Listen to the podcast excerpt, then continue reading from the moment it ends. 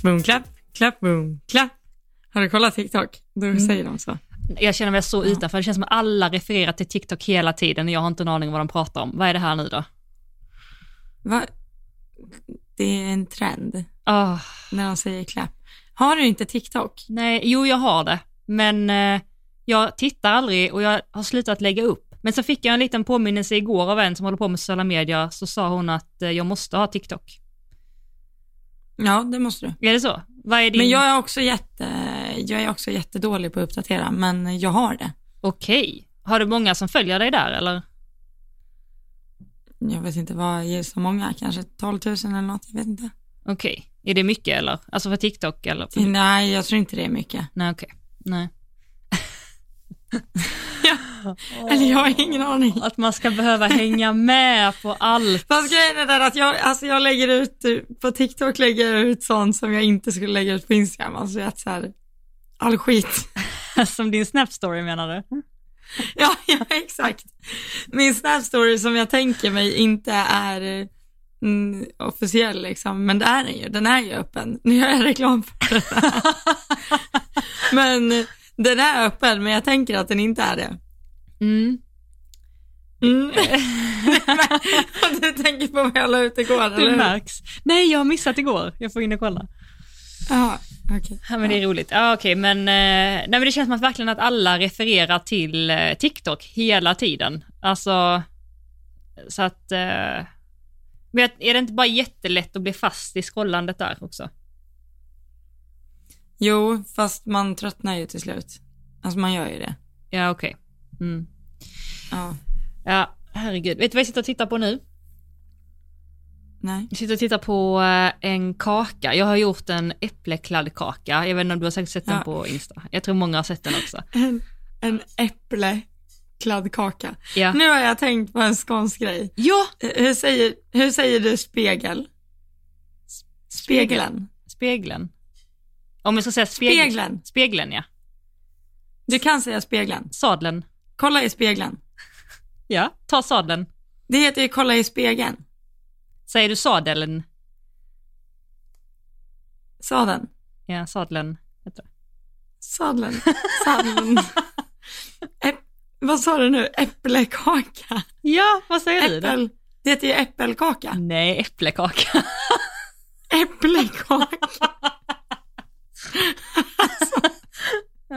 Oj, oj, oj. ja, men det är faktiskt... Vi, vi det, det är faktiskt en bra spaning, för vi säger ju oftast LE istället för EL Ja, i sådana eh, ja. sammanhang.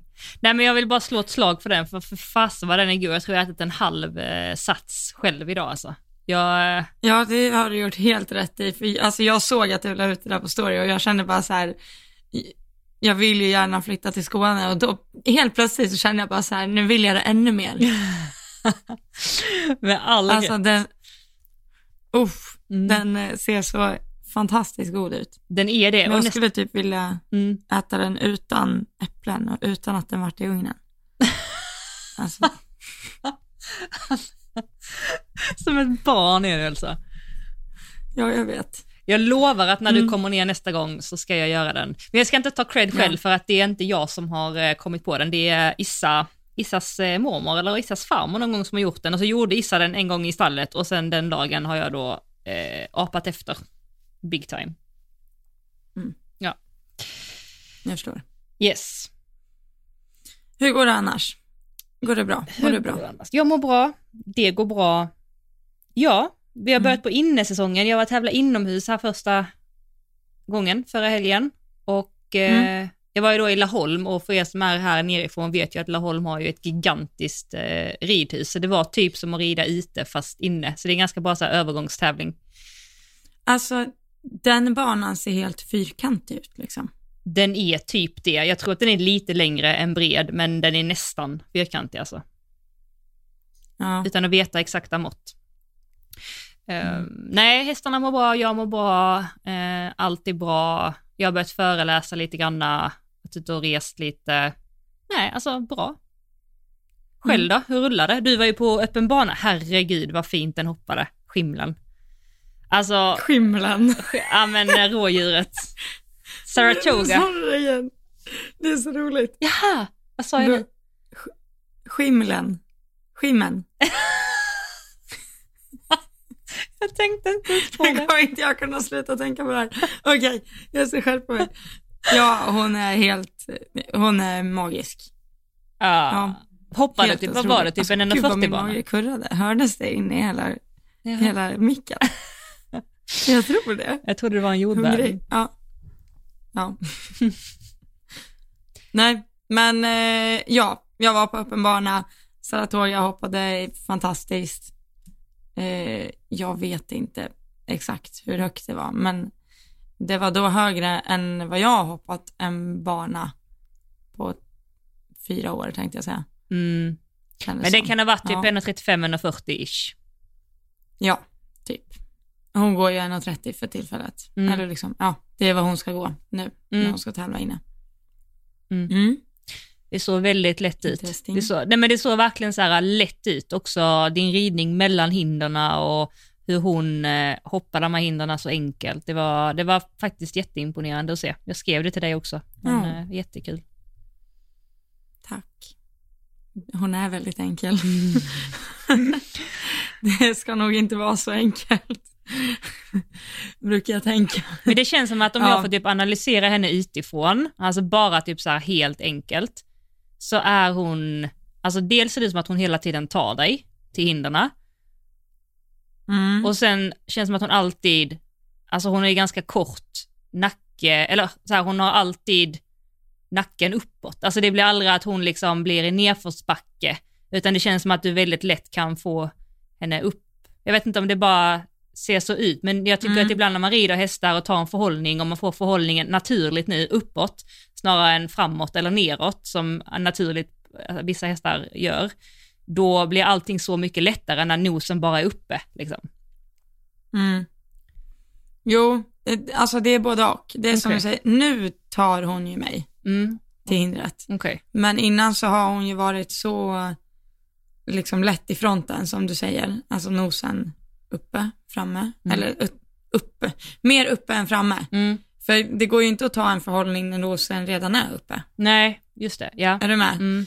För jag lär ju ta en förhållning när nosen är framme och sen ta förhållningen och då kanske den blir uppe. Men om jag tar en förhållning när nosen redan är uppe, då blir det ju tomt. Ja, ja. Liksom. Så då kommer jag ju inte till hindret ändå. Eller är du med på vad jag menar? ja, absolut. Ja. Hon går ju att göra, alltså hon skulle enkelt gå att göra åtta steg på en femstegslinje om jag skulle försöka liksom. Mm. För att hon har så enkelt att sitta ihop. Mm. Inte på den höjden, men jag menar hemma liksom. Hon har ju också en väldigt ju- smart teknik. Alltså hon, har ju väldigt, hon är väldigt kvick i frambenen och komma upp. Så hon hoppar ju väldigt Ja, nej, smart. helt, alltså, ja, Mm. nej. Jag, och jag kan typ förstå att man tänker att den hästen är så här, alltså om man ser henne i en, en, en meter en och tio, Mm. så tror jag man kan tänka så här att, ja den är ju kvick och check, men vi får se när det blir lite större. Mm. Exakt. Men nu är det ju lite större och hon tar ju fortfarande inte ens i. Nej. Alltså, ja, nej hon är helt otrolig. Får vi se hur länge du får behålla Ja. den. Ja, det... ja. Jag är lycklig för varje dag. Jag trimmade henne idag. Hon var jätte, jättefin. Mm. Och så trimmade jag eh, ja, de andra också. Jag ska tävla imorgon. Åh, ja, Yes. just det, det ska du ja. Vad ska du då? Mm. Då ska jag till Gävle, Mhm. heter det. Är det, hur är det, Eh. den anläggningen då? Alltså, vad har de för tävling? Eh, det är inomhus och det är en till klubb här i Dalarna som har inomhus den här veckan också. Men eh, jag har valt att åka till Gävle för att det är närmre. Mm. Mm. Eller jag tror det, eller typ lika. Ja, det känns närmare i alla fall. Det är rätt sida stan för mig. Mm. Eh, framhoppningen är ute. Jag hoppas att den inte är jätteblöt. Eh, och om den är det så tänker jag att då behöver jag inte hoppa fram så mycket. Mm. Ja. Eh, för de ska, jag ska faktiskt bara ha med mig Badoo, för jag skulle ha med mig två. För att det, eller så här är det, är väl en väldigt bra tävling nästa vecka. Mm. Och då vill jag testa hoppa eh, några av dem inomhus en gång till. Mm. eller innan, ja, för att förhoppningsvis ska de gå sina normala klasser då nästa vecka. Men då går jag ner en klass nu imorgon, Mm. bara för att testa hoppa inne. Eh, så jag ska tävla två hästar imorgon. Jag skulle tävla tre, men det blir två för att en annan ska provrivas istället. På lördag. fattar. Ja.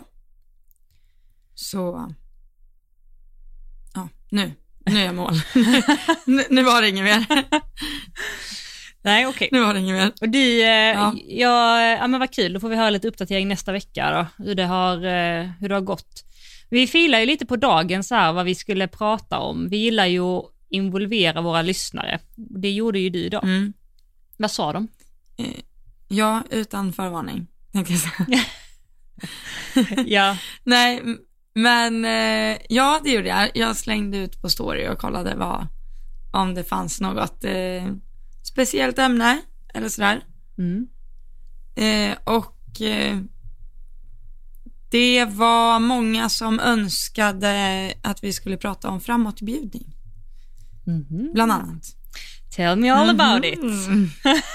Tell me all about it. Nej, det är så roligt, för du la ju ut det idag på story också.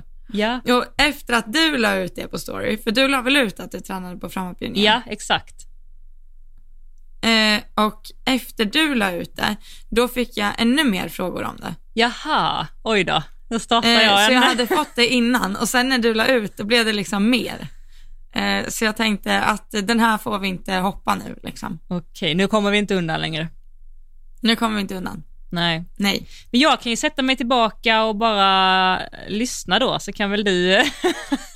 Ja fast nu har vi ju vänt på steken, jag har ju fått bakläxa på nu. Men, Jaha, har du fått bak... Ja, just det. Ja. Du fick ju bakläxa från eh, Linnea där ja.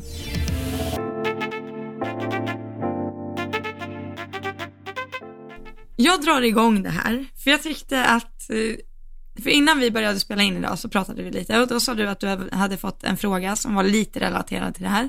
Och då tänkte jag att den var så här, den var spot on.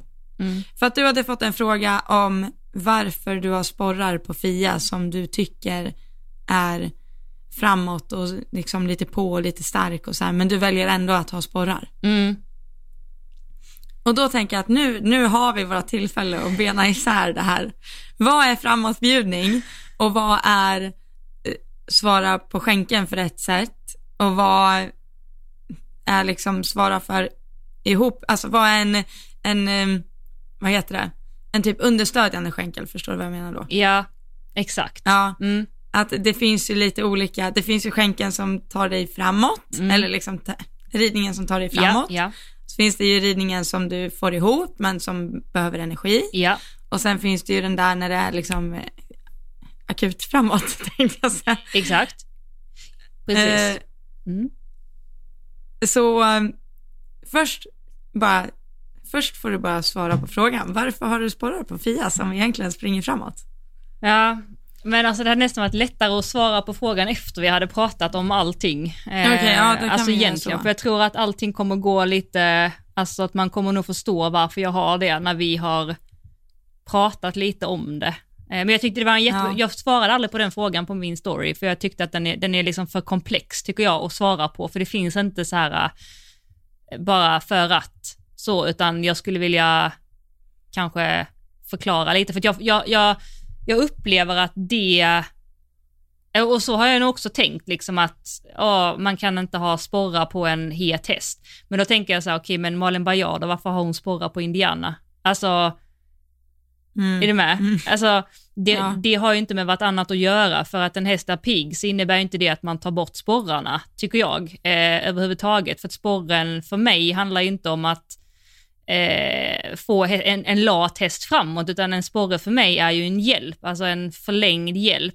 som gör det lättare Mm. för mig att ge hjälpen. Alltså så för mig exempelvis, jag är ju också lite kortare, Ehm, av den anledningen, men sen också att förfina hjälperna och få en liten starkare, eh, snabbare hjälp, en, eh, en liten skarpare hjälp utan att sitta och, och banka i magen. Alltså om vi nu ska ta exemplet, eller så här situationen att sitta och, och, och behöva banka i magen eller lägga till sporren en gång. Det är samma det här med bett, Mm. liksom att ha ett lite, lite skarpare bett som man kan ta en liten, liten fin förhållning på eller ett bett som inte är så skarpt och som man sitter och sågar för att få stopp. Det är lite samma fråga, um, tycker jag. Att, um, men ja, nej men um, det, du sa ju där, du sa det så himla bra att det finns olika hjälper. Mm. En sak jag också tänker där med eh, hjälp då, eller om man tänker sig underskänken, är ju också det här att ge en understödjande skänkel, alltså ge ett tryck ifrån skänken eller ge sporre. Alltså typ så jag använder, bara för att när jag lägger till benen så använder jag ju inte alltid sporren. Utan jag kan ju använda bara ett tryck ifrån min skänkel Mm. också. Är du med på hur jag menar? Mm. Mm. Det är ju också en Ja, skillnad. jag är med. Mm. Ja, gud ja, det är också en skillnad. Mm. Alltså allt ifrån hur du sitter i sadeln är ju liksom en skillnad. Mm. Alltså du kan ju sitta på ett sätt som får hästen att ta dig mer framåt. Men det är kanske är där vi måste, alltså, fan, vart ska man börja? Jag vet inte var jag ska börja, men vi kan väl säga så här att alltså det, vi är ju liksom inga experter, men eh, man kan ju säga att vi bara delar med oss av vår erfarenhet och hur vi, hur vi rider eller hur vi tänker Mm. eller tycker eller sådär, så att inte man kommer med värsta moralpinnen, för att det menar vi ju liksom inte att göra, men att man har ju olika Mm. sätt att se på saker och, och sådär. Men jag tänker så här att för en framåtbjudning och så att hästen är framme för skänken. Om man börjar där då, så tänker jag att en häst kan ju vara känslig för skänken. Typ som Kalle, vi tar Kalle som ett exempel. Kalle är väldigt känslig för skänken. Så att det innebär att när jag lägger till min skänkel så får jag en reaktion direkt.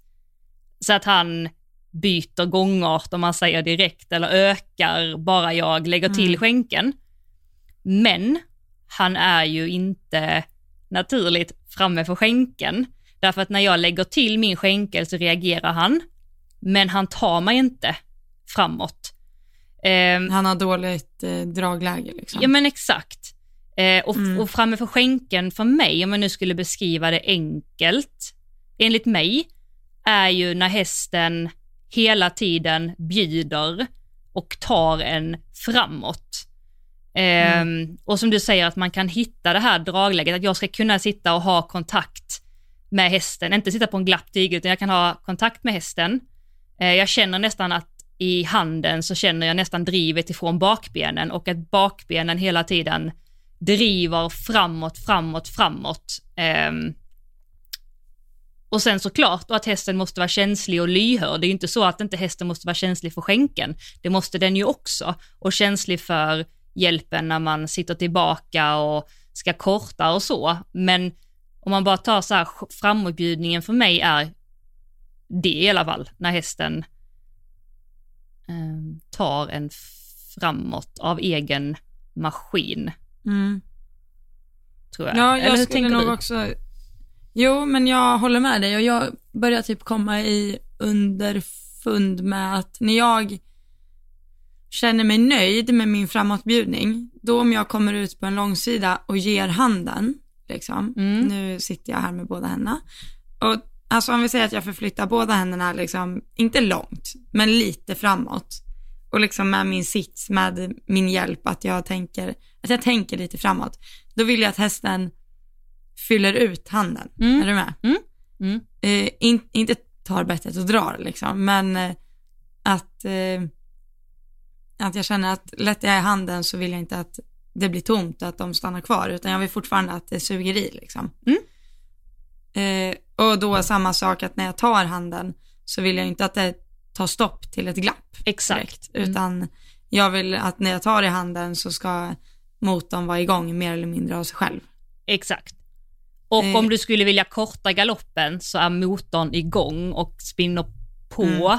Men det blir kortare galoppsprång, så du har kvar energin, men galoppsprången Mm. blir kortare. Inte så att bakbenen Mm. dör för att du gör en förhållning. Nej, men exakt. Mm. Exakt, nej. Utan den, den vill jag ju ha igång. Ja, exakt. Ja. Precis, och då tänker jag så här att framåtbjudning har ju heller inte med farten att göra. Nej. Alltså när man ska lära, tror jag, en häst, då behöver man ju överdriva allting. Så det är klart att man behöver överdriva Mm. framåthjälpen för att hitta framåtbjudning och sådär. Men om vi tänker så här att man, man har en, en häst som är, alltså om man pratar om framåtbjudning på en häst som har lärt sig det och sådär, då kan man ju ha jättemycket framåtbjudning i en jättekort galopp. Det handlar inte om att, det handlar inte om att man ska ha en stor galopp för det. Nej. Eh, Nej men gud nej. Men jag tror fortfarande där man måste börja är ju i en högre växel. Ja, Liksom. absolut ja. Än bekvämt. Ja. Eh, egentligen. Ja. Ja. jag håller på och rider in treåringar nu. Och då, eh, jag såg faktiskt på Carl Hedins story Mm. att han la ut så här att det är så bra att ha en, en häst framför när man rider runt fyrkantsspåret med en treåring. Mm. Så att den liksom har en, en rumpa att följa. Mm. Eh, så då testade jag det och det var ju faktiskt väldigt enkelt. Dels så fick jag ett hum om så här, vad är normal tempo?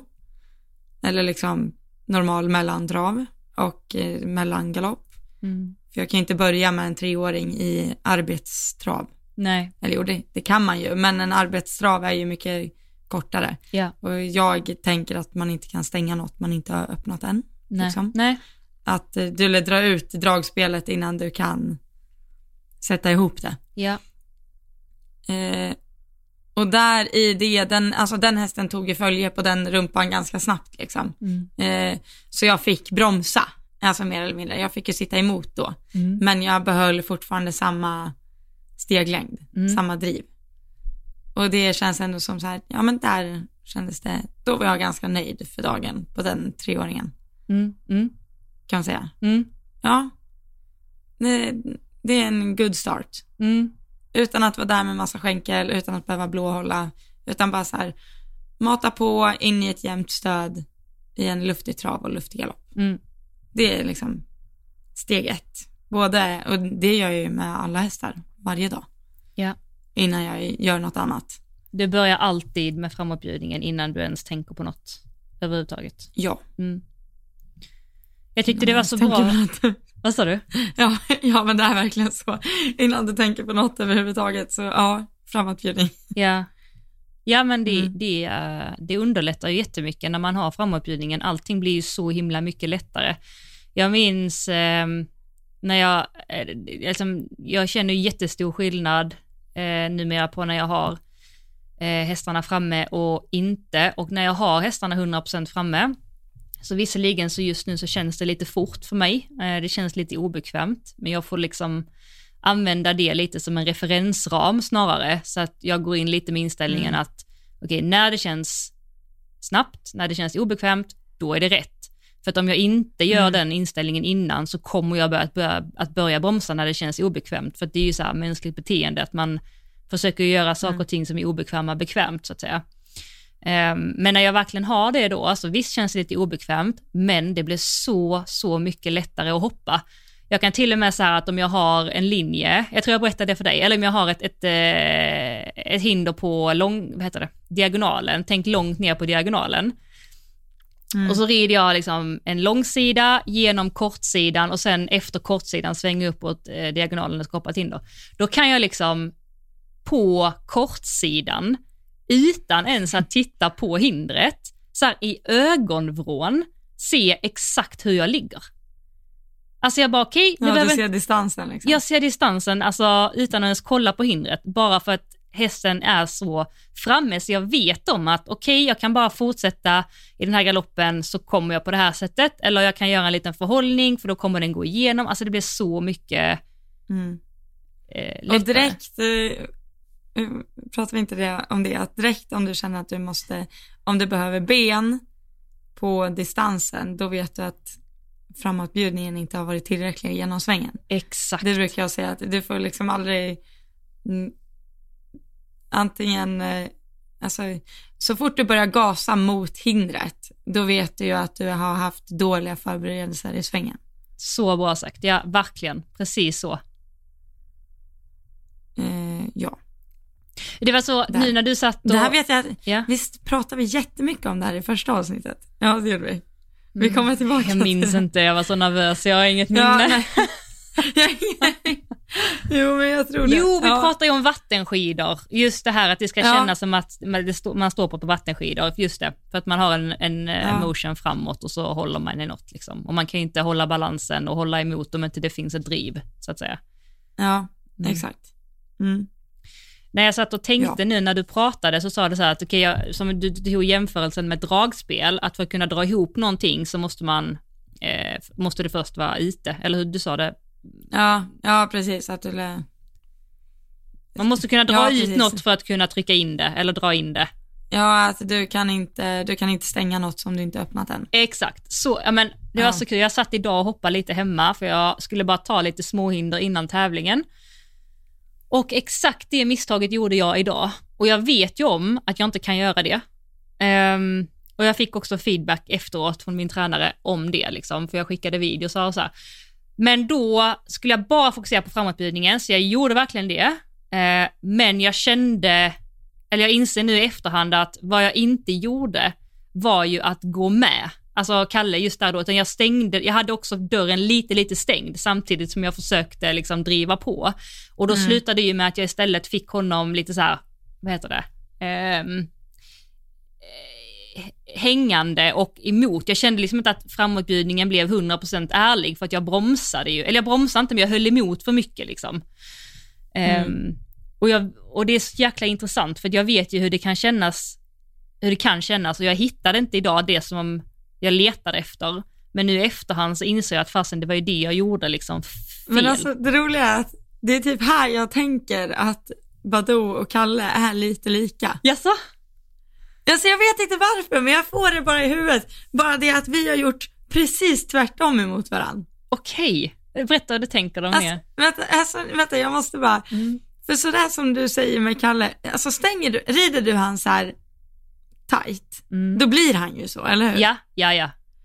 Och nu har ju jag ridit Badou väldigt loose Ja. sen jag var nere i Skåne. Alltså så fort jag har honom igenom, då, då, då liksom är jag ju nöjd och så släpper jag tyg, alltså släpper tygen, Ger förstå mig rätt. Mm. Jag tar igenom en sida och sen är jag nöjd. Och nu är ju han jätteloose. Mm. Nu är ju han sådär att han mm, håller när han hoppar. Ja, precis. Ja men det jag såg, så du som du skickade har ju sagt att ja, Kalle kan göra. så som Kalle. Och nu, desto mer du håller i Kalle, desto mer så här, eller hur? Ja, Och jag har ju hållit i Badou som är, alltså, galning. för att min naturliga, när han går iväg, då vill jag ju hålla. Mm. Alltså, Precis. Mm. eh, fan det är svårt att förklara. Men jag tror typ, för som du säger om Kalle, att han är ju liksom, han är ju så ridbar så det finns liksom inte. Mm. Jo. Han är så ridbar så du, du skulle ju kunna be honom vad som helst. Ja, jo så är det. Och så är ju Badou också, alltså jag kan sätta ihop hur mycket som helst, jag kan öka hur mycket som helst, jag kan flytta, alltså han är ju överrörlig på alla sätt och vis. Mm. Men han blir ju också, jag tror att båda är så här att de blir så som man gör dem Mm. till. Verkligen. Eh, jag vet inte vad jag vill landa i det, jag bara kände igen mig så mycket i det du sa, att eh, när du liksom släpper fram honom, då lär du ju släppa fram honom helhjärtat liksom. Ja, Eh, och låta vara honom rund och där för att sen plocka ihop det, du kan inte göra det lite halvt liksom. precis. Att man måste börja jag- där. Mm. Ja, jo men precis, man måste börja där. Och där har jag försökt med något, eh, typ så här, jag vet inte, eller jag har väl försökt hitta en så här jämn rytm med stöd där det inte går i och med att jag har haft en högerbog på högerflyen Mm. Mm. utanför hela tiden. Så jag har ju liksom, jag har ju skapat en, eh, en eh, liksom tension i högersidan som egentligen inte finns där. Jag har bara, jag har gjort den själv. Mm. Så jobbigt att höra, eller så här inse, men också så intressant. Ja, alltså gud, jag, alltså jag har gnällt på den här högersidan i två år, jag skämtar inte. Och vad... Eller ett och ett halvt. Ett, ja. Men typ så här, för att jag vet, jag, vi har ju pratat om det här men utanför podden, men jag bara berätta för lyssnarna för att du, när du kom ner till Linnea för eh, knappt en månad sedan så, så sa hon ju till dig att, ja men det är ju den här högerbogen, men hon sa också till dig att du måste korrigera den, men när du korrigerar den och han lyssnar så måste du ge efter och liksom berömma. Och sen så får du korrigera igen och hellre upprepa än att hålla kvar liksom, honom i någon form av ram. Och sen har du tragglat som en galning hemma nu Och sen Mm. eh, nu, för du sa till mig idag att fasen oj, nu känns det som att bogen verkligen är på plats. Och det är ju Mm. bara så här 20, 20, 25 dagar sedan du var nere och tränade och som du bara har ridit honom. Så kan du inte bara berätta vad du har gjort då? Eller, alltså, Men alltså gud, jag har ju inte gjort något jo men det har du ju. speciellt. Du har ju ändrat Jo, någonting. jo, men det har jag. jo, men jag har gjort eh, mycket. Det, alltså, det här kommer låta så sjukt att jag säger det här. Jag rider med hackamore, by the way. Va? Ponnyhackamore? Eh, ja, Va? ja.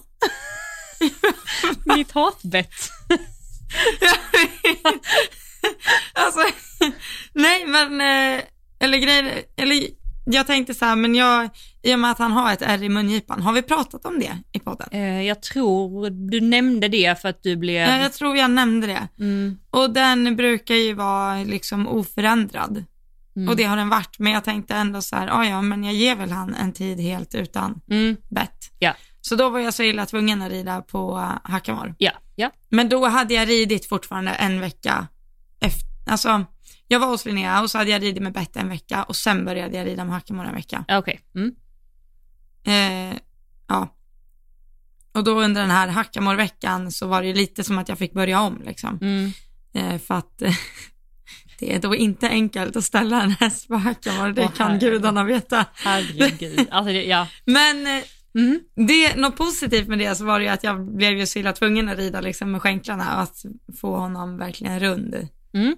för skänken också. Eh, men åter till det, hack eller ej. Det jag har gjort är att jag har, speciellt efter jag har hoppat ett hinder, nu ska jag ta, när, när problemet yppar sig som mest, Mm. det är när jag kommer ur en högersväng, hoppar ett hinder på diagonalen, landar åt vänster och sen ska jag försöka sätta ihop galoppen igen utan att behöva rida in i nästa hörn i princip. Oj, ja. Eh, så när jag landar efter hindret så vill jag ju ta en förhållning på yttertygen så han sätter sig lite så jag skulle i princip kunna rida bara på en dogleg på nästa hinder liksom. Mm. Men där har vi ju inte riktigt varit då Nej. förrän idag. Men, eh, men då när jag har tagit i högertygen så har han bitit fast i den och gör så här. Eh, och då har jag hållit. Mm. Men desto mer jag håller, desto mer har ju han bitit sig fast för att jag har varit så noga med att så här, jag ska ha ett jämnt stöd fram till handen. Ja, Mm. liksom, hell no. Mm. Eh, och det där fick ju Linnea lösa åt mig tänkte jag säga mer eller mindre. Nej men då när han bet sig fast så tror jag det var en kombo mellan liksom både vänster tygel och höger skänkel också. Att liksom eh, dels nummer ett bara få honom från höger tygen så fort som möjligt. Liksom att få honom att inte fastna där. Alltså Kanske genom typ- att lägga mer på vänster, få honom att mer, ta mer stöd på vänster. Tygel. Nej, mer, mer att få honom lös i båda skulle jag säga. Mm. okej. För där när han är så, alltså när han, du var ju med på träningen, Mm. då när han liksom bet sig fast i högertygen, då hjälpte det inte att jag kom med båda tyglarna, för då blir han lite så här klaustrofobisk och börjar göra som Då blir han istället. Ja, precis. Ja. Ja, Mm. då blir han trängd liksom. Så jag vill ju ha, till en början i alla fall, så vill jag ju ha högerställning för att få in högerbogen Ja. liksom. Mm. Men det går inte att ställa höger om den är helt stum. Nej, liksom. exakt. Nej. Så då fick jag ju börja med att bara så här, okej, ställ lite hur du vill, bara du kommer loss, liksom. Bara vi kommer ur den här Ja. Mm. onda cirkeln, mer eller mindre liksom. Ja. Du förstår vad jag menar, jag sitter och så här ålar mig Ja, men, ja, men stolen. lite lösgörande Du- arbete typ. Ja, jo men exakt, men på tre galoppsprång liksom. Okej, ja. Eh, Väldigt svårt att förklara. Alltså på kortsidan nu, när du har landat, gör du det här menar du? Eller vad menar du med tre galoppsprång? Nej, så fort jag landade. Så fort du har landat? Du vet då när han blev så här, "Ah!" så. ja, ja, ja, ja, okej, Ja. ja, mm. Det är därför jag sitter och ålar mig här, förstår du nu? ja, jag förstår jag är fortfarande på, alltså jag är fortfarande på samma 15 meter efter hindret. Okej, ja. Jag är med. Är du med nu? Jag är med, ja. Ja. Eh, så först bara få han egentligen lite mer från, från bettet och vara lite avspänd och gå, gå och kunna jobba med. Ja. Och sen har jag ju då gjort det här en miljard gånger. Eh, så varje gång han har blivit hård i högertygen så har jag liksom lyft högerhanden, kanske lite höger typ sporre eller så här, in Ja. med den. Så. Ja. Och då har han ju blivit loss och då har jag släppt. Och då har du släppt. Eller liksom inte Precis. släppt. Men då har jag släppt ner näsan igen och Ja. liksom lagt en våg i tygen kan man säga. Precis. Och det är det som är skillnaden. Det är ju det som har gjort det, att du har gett efter där. Ja, Också. eh, och, Mm. och då har jag ju väldigt fint mjukt stöd efter det när han är rak. Mm. Tills jag kanske svänger lite vänster och bogen åker ut igen. Och då måste jag ju göra om det här. Då måste jag ju in med den där bogen igen och så lite höger skänkel och se till att så här fylla ut vänster tygel istället. Och så mjukna igen. Ja. Och så har jag gjort det här tusen tusen gånger. Ja. Eh, Så idag hoppade jag räcke, sex språng dogleg, räcke, räcke kombination två språng och landa i högergalopp. Ja. Och, ja, och det var till och med i den kombinationen, alltså han får väl trångt annars, han tar väl det igenom i vanliga fall. Alltså det kändes Mm. nästan som att han bara såhär, eh, ja men nästan som du sa, blev tom på B-hindret. Jo, precis. Mm. Och då kommer vi till framåtbjudningsfrågan. Ja, För nu har jag ju fått honom, nu har jag ju lagt den här vågen i tygen Ja. där han väntar. Där jag har varit så här, duktig häst att du väntar här. mm. Men då har jag ju också lättat i handen utan att han får fylla ut ja handen. exakt. Så nu när jag är klar framför hindret liksom och känner så här, åh nu kan jag mjukna. Då bara, mm. ja, jo. Men, Och men den här såklart. hästen har ju alltid tagit mig över som alltså, Ett tåg. en raket. Mm. Liksom. Eh, ja. Och det var här jag menade att det är väl det här du håller på med med Kalle just nu, att han Ja. ska ta dig. Så nu måste jag hitta ett mellanläge där han tar mig utan att ta bettet. Eller Exakt. ta allt. Ja. Ja. Precis. För nu har du ju övergjort det på andra hållet. Så nu behöver du Ja. hitta balansen. Men det är ju, alltså det, det har varit så kul. Jag skulle vilja rida Badoo någon gång. Och jag skulle vilja att du red Ja. mina hästar också, för att det är så kul bara att känna och sådär. Men jag, jag brukar säga att jag har en talang eh, som ryttare, så jag vet typ inte knappt hur jag gör det, eller sådär. Men jag kan få, alltså jättepigga, starka hästar som drar mycket liksom. Eh, Mm. att bli jätteavslappnade och sluta dra. alltså verkligen så. Och det är så här, det är ju positivt så, men jag har ju liksom hästar som inte, alltså typ Kalle är, ju tvärtom, han, han vill jag ju ska ta mig mer och eh, det är så intressant med Fia också för att hon, alltså hon, eh, åh, det kommer in på ett annat ämne, men hon, Ja. Alltså hon, hon kan ju ta mig, för hon driver alltid framåt, men hon är inte ärligt framme för skänken. Alltså, förstår du skillnaden? Liksom att hon, dels är hon lite seg för skänken, därför att i och med att hon alltid har tagit mig och gått för mycket, tagit mig för mycket till hindrena, så har jag, har jag varit för blyg med skänken, så att hon är liksom inte känslig för skänken. Nu är det mycket bättre, men hon har inte varit det. Och sen har hon inte varit ärligt framme, utan hon har bara dragit. Alltså jag har bara, skitsamma, det var inte det jag skulle säga, vi kan prata om det också, men det jag, det jag när jag analyserar mig själv för att få hästarna överdrivet nu såklart. Jag menar inte att det här är liksom målet, men det är också bra att kunna göra. Det är liksom, och varför jag får dem så avspända, det är ju för att jag kan typ så här släppa ut luften. Alltså jag kan typ eh, öppna dörren och alltså är dörren öppen så kan de ju liksom inte, alltså det finns ingenting att dra emot och inget de alltså, springer ifrån, utan jag bara säger okej, varsågod typ. Och sen så har jag en förmåga att sitta helt still på hästen utan att, och avspänt utan att sätta minsta tryck ifrån skänken. Så att jag ger liksom ingen Mm. input och jag öppnar dörren. Så att det enda sättet för hästen, den, som den gör till slut, alltså den kommer ju liksom galoppera i oändlighet, för den, har ju liksom, den vill ju alltid dra, men till slut så kommer den bara så här. Så. Så, och det kan jag få hästarna väldigt, väldigt lätt till i trav och i eh, liksom galopp också. Eh, och det, det tänker jag lite det som du har gjort nu då, om vi nu tar såklart, vi överdriv, det är ett litet överdrivet tänk, men det är lite det du har gjort med Badoo nu också, att du har liksom släppt Mm. ut lite och som tack då, tack inom utropstecken, så får du att han inte drar eller sådär. Ja. Men så blir det ju för mycket, så måste man ju också ha det, men framåtbjudningen. Så att man måste, och det är det som är så himla svårt att hitta den, eh, hitta den balansen. Ja, ja, nej. Det är inte enkelt. Men eh, jag tänkte på det där med Fia som du Mm. sa. Mm. För där när du säger att hon inte riktigt är ärlig för skänken, Mm. eller inte riktigt framme. Mm. För jag tänker så här, när hon blir stark, Mm. när hon gör en sån här, där hon blir väldigt stark liksom. Ja, hon över eh, powerar, eller vad heter det? Ja, hon, Ja, men alltså, precis. Helt, För ja. hon, eh, eller vad, vad jag tänker är att hon kan bli stark där du känner att så här, nu kan jag inte hålla mer än vad jag faktiskt gör. Ja.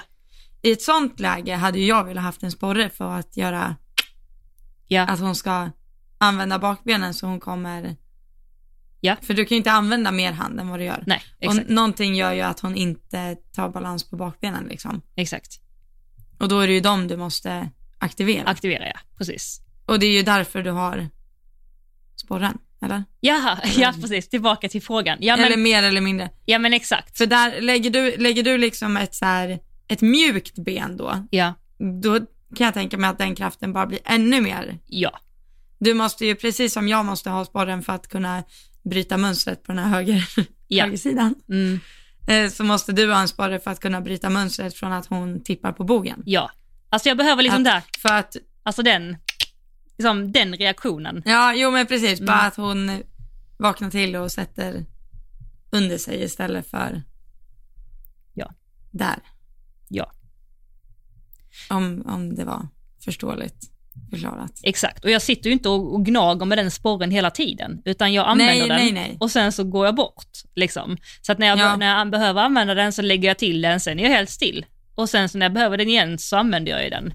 Alltså så. Men, men det med, med Fia där, eh, som jag har sagt så många gånger, liksom, hon är ju liksom byggd i nedförsbacke och liksom naturligt på bogarna och sådär. Sen är hon också inte superstark eh, ehm, just nu, så att jag kan liksom inte rida henne i uppförsbacke en hel bana. Alltså jag kan inte ha henne på bakbenen, liksom loss ifrån handen och ta mig till hinderna och liksom ha näsan där uppe för att hon, hon kan inte det. Liksom. Det, är- det är fysiskt Nej. omöjligt för henne. Så att det jag försöker göra nu är ju att göra det så lätt som möjligt för både henne och mig liksom. Eh, och så effektivt som möjligt. Så att jag ser ju till nu att hon verkligen är framme utifrån min förmåga. Liksom, jobba med att hon ska vara framme så att hon verkligen tar mig, så att bakbenen är aktiva och hon galopperar. Och sen får jag liksom släppa ut henne lite på sträckorna för att sen innan hinderna, eh, alltså vad säger så här, fem galoppsprång innan, då får jag liksom tippa henne lite granna, alltså uppåt, så att jag höjer handen lite granna och så får jag upp näsan och så får jag, får jag upp henne lite granna. Och så ska jag jättegärna då komma på kanske ett galoppsprång som är lite närmare hindret, men i uppförsbacke, inte för Mm. långt ifrån, för att hon har, hon har ju en fantastisk förmåga att hoppa jättemycket framåt. Liksom. Så jag vill att Mm. hon ska hoppa lite mer uppåt. Så gör jag det och sen Mm. då när jag har hoppat hindret så gör jag samma där, att jag tippar henne lite så att jag bara får henne direkt, alltså så mycket jag kan på bakbenen igen. Mm. Sen kan jag släppa ut henne lite granna och sen så tippar jag upp henne innan Mm. nästa hinder. Så jag jobbar liksom så, men som du sa om och, när hon är sådär stark liksom, ju mer jag bromsar och ju mer jag liksom drar, alltså desto starkare Ja. blir hon ju.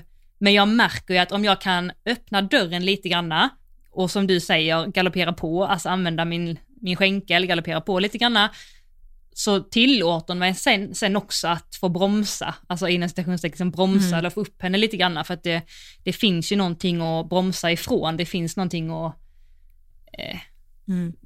komma upp ifrån.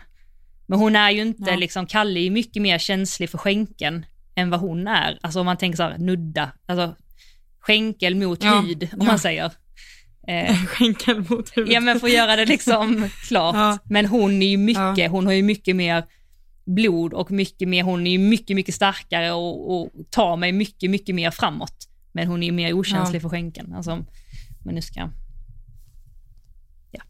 Ja, ja. I'm with you. Jag förstår. Du förstår. Jag förstår precis. Ja, herregud, det här kan vi prata om i en evighet. Ja, det kan vi göra. Men tror du att det, Det var svar på... har, Vad sa du? det känns som att vi har pratat i 10 minuter och vi har pratat i 45. Ja, vi har det. ja, vi har. Men vi har, har alltså tänkt, det, det med sporren, alltså frågan som vi öppnade upp med, varför man har sporrar på en häst som ändå alltså, är pigg eller tar en eller är, Mm. alltså, är det, tror, tror du att det är svar nog?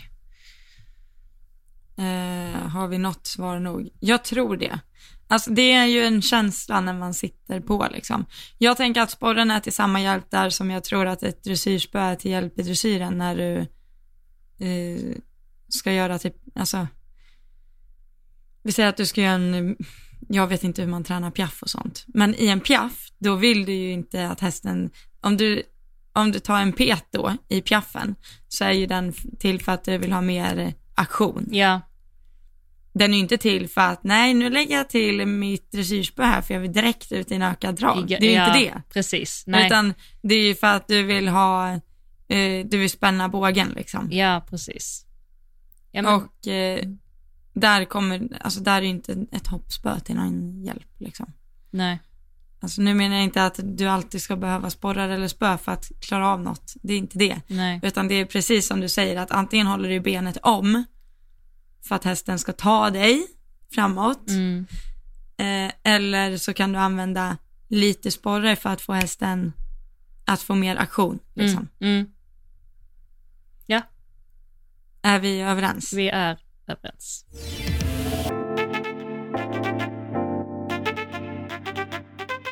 Det var ju jag som eh, tog in eh, önskemålen för dagens podd. Och då var det en person som hade skrivit eh, att eh, vi borde nämna det här varför det är sån tystnad om, för det har ju varit några incidenter 2022, eller hur? Mm. Så det, ja, det har väl varit alltid. Men, eh, mycket har det varit i år faktiskt ju, bara. ja, med eh, alltså välkända ryttare skulle jag vilja säga och sexuella övergrepp va? Mm. Eller inte, över, inte bara övergrepp. Både men, eh, ofredande och, och Ofredande, övergrepp. och Ja, många... eh, ja.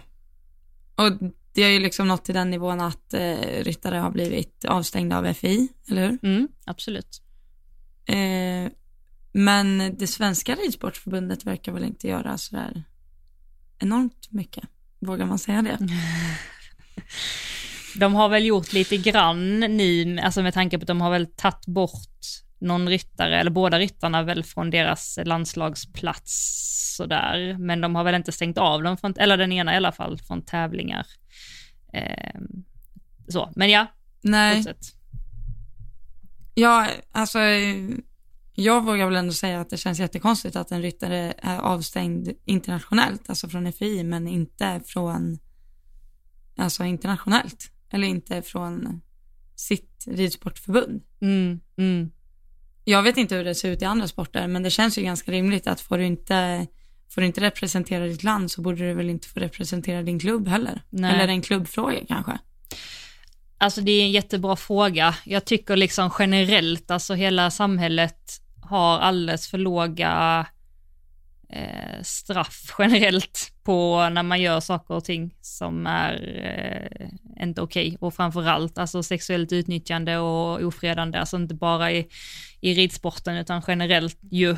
Men om man tänker ridsporten så känns det som att nu ska jag inte, alltså för att jag måste säga att jag är så jättedåligt påläst från alla fall. Jag har liksom inte gått in och läst alla domar och alla rättegångar som har varit, alltså så, så att jag vill verkligen säga det, men jag upplever, och mycket från vad jag andra har hört, att många gånger så har Ridsportförbundet inte tagit det på allvar. Och att det har kommit in mycket anmälningar från eh, tjejer i det här fallet som inte har, de har inte blivit tagna på allvar eh, tidigt nog och det tycker jag är extremt oro, oroväckande. Eh, för att som, som offer idag så är bara en sån sak att kliva fram och berätta om saker och ting man har varit med om är fruktansvärt strångt Mm. och jättejobbigt och sen då inte bli tagen på allvar är, alltså det får bara inte eh, ske. Men jag vet att Svenska Ridsportförbundet, i alla fall så ungdomsdelen där, har någonting som heter Trygg i stallet. Och där är ju bland annat att de jobbar för att alla ska känna sig eh, trygga. Eh, så det är jättebra initiativ, men det verkar som, utan att jag vet 100% nu ska jag säga, men det verkar inte som att när det väl kommer till kritan att det görs. Nej. Liksom. Sen, sen tänker jag också så här, hur förhåller sig, eh, jag är inte heller påläst, men eh, hur förhåller man sig till, eller förbundet till det om det inte är, om personen i fråga inte är dömd liksom rättsligt? Mm, precis, ja. Hur kan, alltså, kan förbundet göra sin egna dom då? Eller förstår du vad jag menar? Ja, att man kan stänga av en ryttare som inte är dömd rent rättsligt menar du? Av, eh, Eller, alltså att man kan stänga av en ryttare för misstanke. mm, Eller är det det man är ja, rädd för då kanske? det kanske man är då för att man inte, man kanske inte vet om, att man kanske inte kan bevisa eller jag vet inte, eller att man inte kan göra så för att det inte det finns bevis nog för att det skulle ha hänt eller att det inte finns en utredning. Alltså jag, jag vet faktiskt inte. Alltså sen vet jag inte, ja nej. Men tycker du att det borde vara så att de ska kunna göra det? Oj, vilken svår fråga du ställer. Mm, jag vet. Behöver inte Alltså, tänka så. det, nej men alltså det, grejen är så här, man vill ju inte att någon är eh, liksom eh, oskyldigt straffad. Exakt. Nej. Eh, men man tar ju hellre det säkra för det osäkra Mm. också. Ja. Jo. För, ja, alltså nu har jag läst på om, eller läst på var väl att ta i, men fått både skickat till mig, för jag vet att jag la ut något om det här, det här var några veckor sedan. Nej, någon månad sedan var det säkert. Nej, det var när vi släppte avsnittet om eh, när jag hade varit iväg och provjobbat, när man Just får så här dåliga kommentarer av män. Mm. För att eh, det måste jag ändå säga, det är ju lite, alltså det är ju gammal kultur i Mm. ridsporten Mm. tyvärr. Men så är det ju. Eh, men så är det ju på ett sätt, jag menar det på ett sätt som att det är inte okej, men det är så ridsporten har sett ut tidigare och det är nog därför det sitter kvar. Mm. Eh, men då var det flera som sa att det var, de hade gjort orosanmälningar till, eller skolan hade gjort orosanmälningar om en praktikplats och så vidare och så vidare. Men det slutade ändå med att de tar emot praktikanter från andra skolor. Oj! Ja. Vilket är jätteundligt. Oj! Eh, och då blir det ju väldigt så här att eh, då kan ju inte de ta de här tjejerna seriöst då, Nej. tänker man. Men det är ju en sån sak där, alltså eh, om man tar det exemplet, om man som förbund får in orosanmälningar från en praktikplats, så måste man ju kunna gå in och ta bort den praktikplatsen och inte, alltså förbjuda, Och där menar jag, i ett sånt fall så är det Ja. bättre att ta det säkra för det Ja. osäkra. och då behöver det ju inte innebära att man den- dömer någon eller liksom att det blir värsta grejen, det är bara mer en så här känsla av att okej, om det har varit upprepande saker här så vill inte vi ha våra elever på det här på den här praktikplatsen. Ja, men det behöver inte bli det- världens största grej liksom. Nej men det är samma sak som att praktikanterna måste ha stålhätteskor på sig. Har de inte det där, då får de inte komma till den praktikplatsen. Liksom. Exakt. Ja. Alltså, Mm, mm. ish. Och då känns det ju som ett väldigt milt straff att bli av med sina praktikanter. ja, precis. Om man får en orosanmälan. Men eh, Ja, Det måste man verkligen ta på, eh, på allvar. Alltså. Sen är det också som du säger så här att, att bli eh, straffad eh, fast man inte har, alltså vad heter det, oskyldigt straffad, eh, utan nu att ta eh, personer som begår brott i försvar. Så att jag verkligen är tydlig, det är inte det jag menar. Jag menar bara att det har ju klart varit ehm, eh, case där människor har blivit oskyldigt straffade och det får ju absolut heller inte ske. Så att jag förstår ju att man inte kan slå på stora trumman och värsta så, om inte det finns liksom bevis nog och hela den här biten. Och, men det är det som också kan störa mig så himla mycket att om det är ett gäng tjejer som har varit med om eh, liknande upplevelser och som har sin story att berätta, men inte kan bevisa det här, så Mm. ska man då liksom inte ta de här tjejerna på allvar. Det måste ju finnas något där som gör att man inte behöver ha hur ska jag säga, så här fysiska stora bevis för att man ändå ska bli tagen på allvar. Um, så att det är på båda hållen. Eh, liksom, ja, och det inte... där är ju en samhälls, alltså det är en samhällsfråga. Ja. ja. Liksom. Det handlar ju inte bara om eh, ridsport liksom. Nej. Men eh, nej, det är ju helt, helt sjukt faktiskt. Ja. Ja. Ja, ja men vi kanske Men, skulle läst eh, på lite, alltså om vi skulle prata om det här så kanske vi skulle läst på lite, alltså och sådär. Vi ville väl mest bara typ ta upp det för att, Ja, vi ville, eller det var jag. Mm. Jag, jag skyller mig själv här. nej, Vi, vi är väl medvetna om att eh, vi inte är fullt pålästa om det här. Eh, men vi tycker det är viktigt och vi tycker att eh, det borde finnas en... För jag, jag vet att det, det är många tjejer som ja, har hört av sig till både mig och dig säkert. Det sprids på TikTok också. Att liksom, vad gör förbundet åt det här? Och det måste jag vara... Just nu så tycker jag att det känns som att FI känns hårdare än förbundet i den här frågan. mm. Och eh, jag hade väl önskat att det i alla fall är minst lika strama regler i svenska ridsportförbundet som internationellt. Mm. Hade jag önskat. ja verkligen.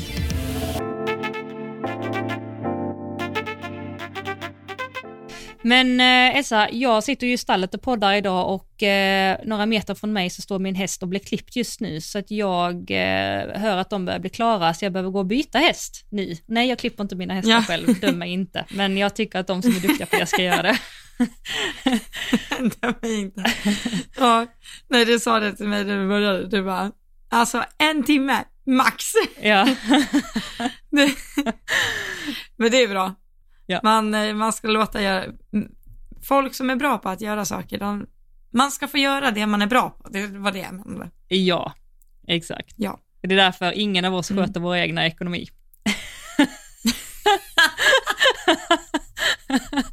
Nej, skämt åsido. Fast ändå sanning. Nej, det där. Jag tänkte säga det, ja, nej. Nej, man behöver inte vara bra på allt. Nej, men faktiskt allvar lite i det. Alltså, jag tänkte när jag startade företag så, så att jag behövde vara bra på allt. Alltså. Men jag har aldrig haft huvud för räkning och matte och siffror och sånt. Jag bara, min hjärna checkar ut. Så trodde jag att jag var tvungen att göra det. Men alltså, man får ju, om man kan, anställa någon som är duktig på det. Och så är det ju med allt, att man ska ju använda, som du sa, personer till det de är bra på. Och man ska ju själv göra egentligen det man är bra på. Mm. Gud vad mycket roligare livet blir då. Ja, verkligen. Ja. Ja, men, eh, nej men eh, vi eh, är ju inne på vårt 23 avsnitt nu eh, tror jag. Och eh, Nej, 22 va? 22. Tror jag. Ja, för jag, jo, 22 tror jag det Är vi på 22? Jag ligger alltid i ett Eller? avsnitt. Ja, men ni, Ja, men jag vet. vet inte. Vi, vi vet inte. Ja, Och, och eh, jag vet att det kommer in nya lyssnare varje vecka. Ehm, och eh, för er som eh, lyssnar och är nya eh, så vill vi, eller säga jättevarmt välkomna hit. och sen för, för alla som lyssnar så har vi sagt att vi har valt att ha den här, just nu i alla fall, podden osponsrad. Det kan ändra sig i framtiden, men just nu. Och eh, istället så har vi sagt att eh, vi vill få den här podden att rulla med eh, Swish och bidrag ifrån er. Och det är egentligen inte mycket vi ber om, utan vi har sagt att eh, skulle man vilja skänka en tia varje gång man lyssnar, så att det blir ja, men 40 kronor i månaden som en, ja, som en latte ungefär i månaden, så eh, får vi den här podden att rulla. Så att är det så att man har lyssnat på det här poddavsnittet och känt att fastän jag fick ändå med mig någonting, eller gud vad kul det var att lyssna, eller man bara ja, enjoyade att ha oss i öronen, så får man jättegärna swisha en liten peng. en liten tia. Så om 10% swishar 10 kronor, Precis. då är vi i mål. Exakt. Och det är typ så här 1% av alla som swishar som det är nu. Och nu har vi Ja. som tur väldigt många lyssnare, men eh, ändå. Jag vill också säga tack, jag glömde säga det till Elsa, nu har jag varit ute och föreläst lite, så har jag haft väldigt många som har kommit fram och sagt att de lyssnar på vår podd och tycker att den är skitbra. Jag har glömt säga det till dig, men det är jättekul när ni kommer fram Ja, på riktigt. alltså det har faktiskt hänt eh, mig också. På tävling eller? Jag fick att jag, ja, Mm, jag vet att här. jag har fått någon fråga typ nu senaste tiden så här.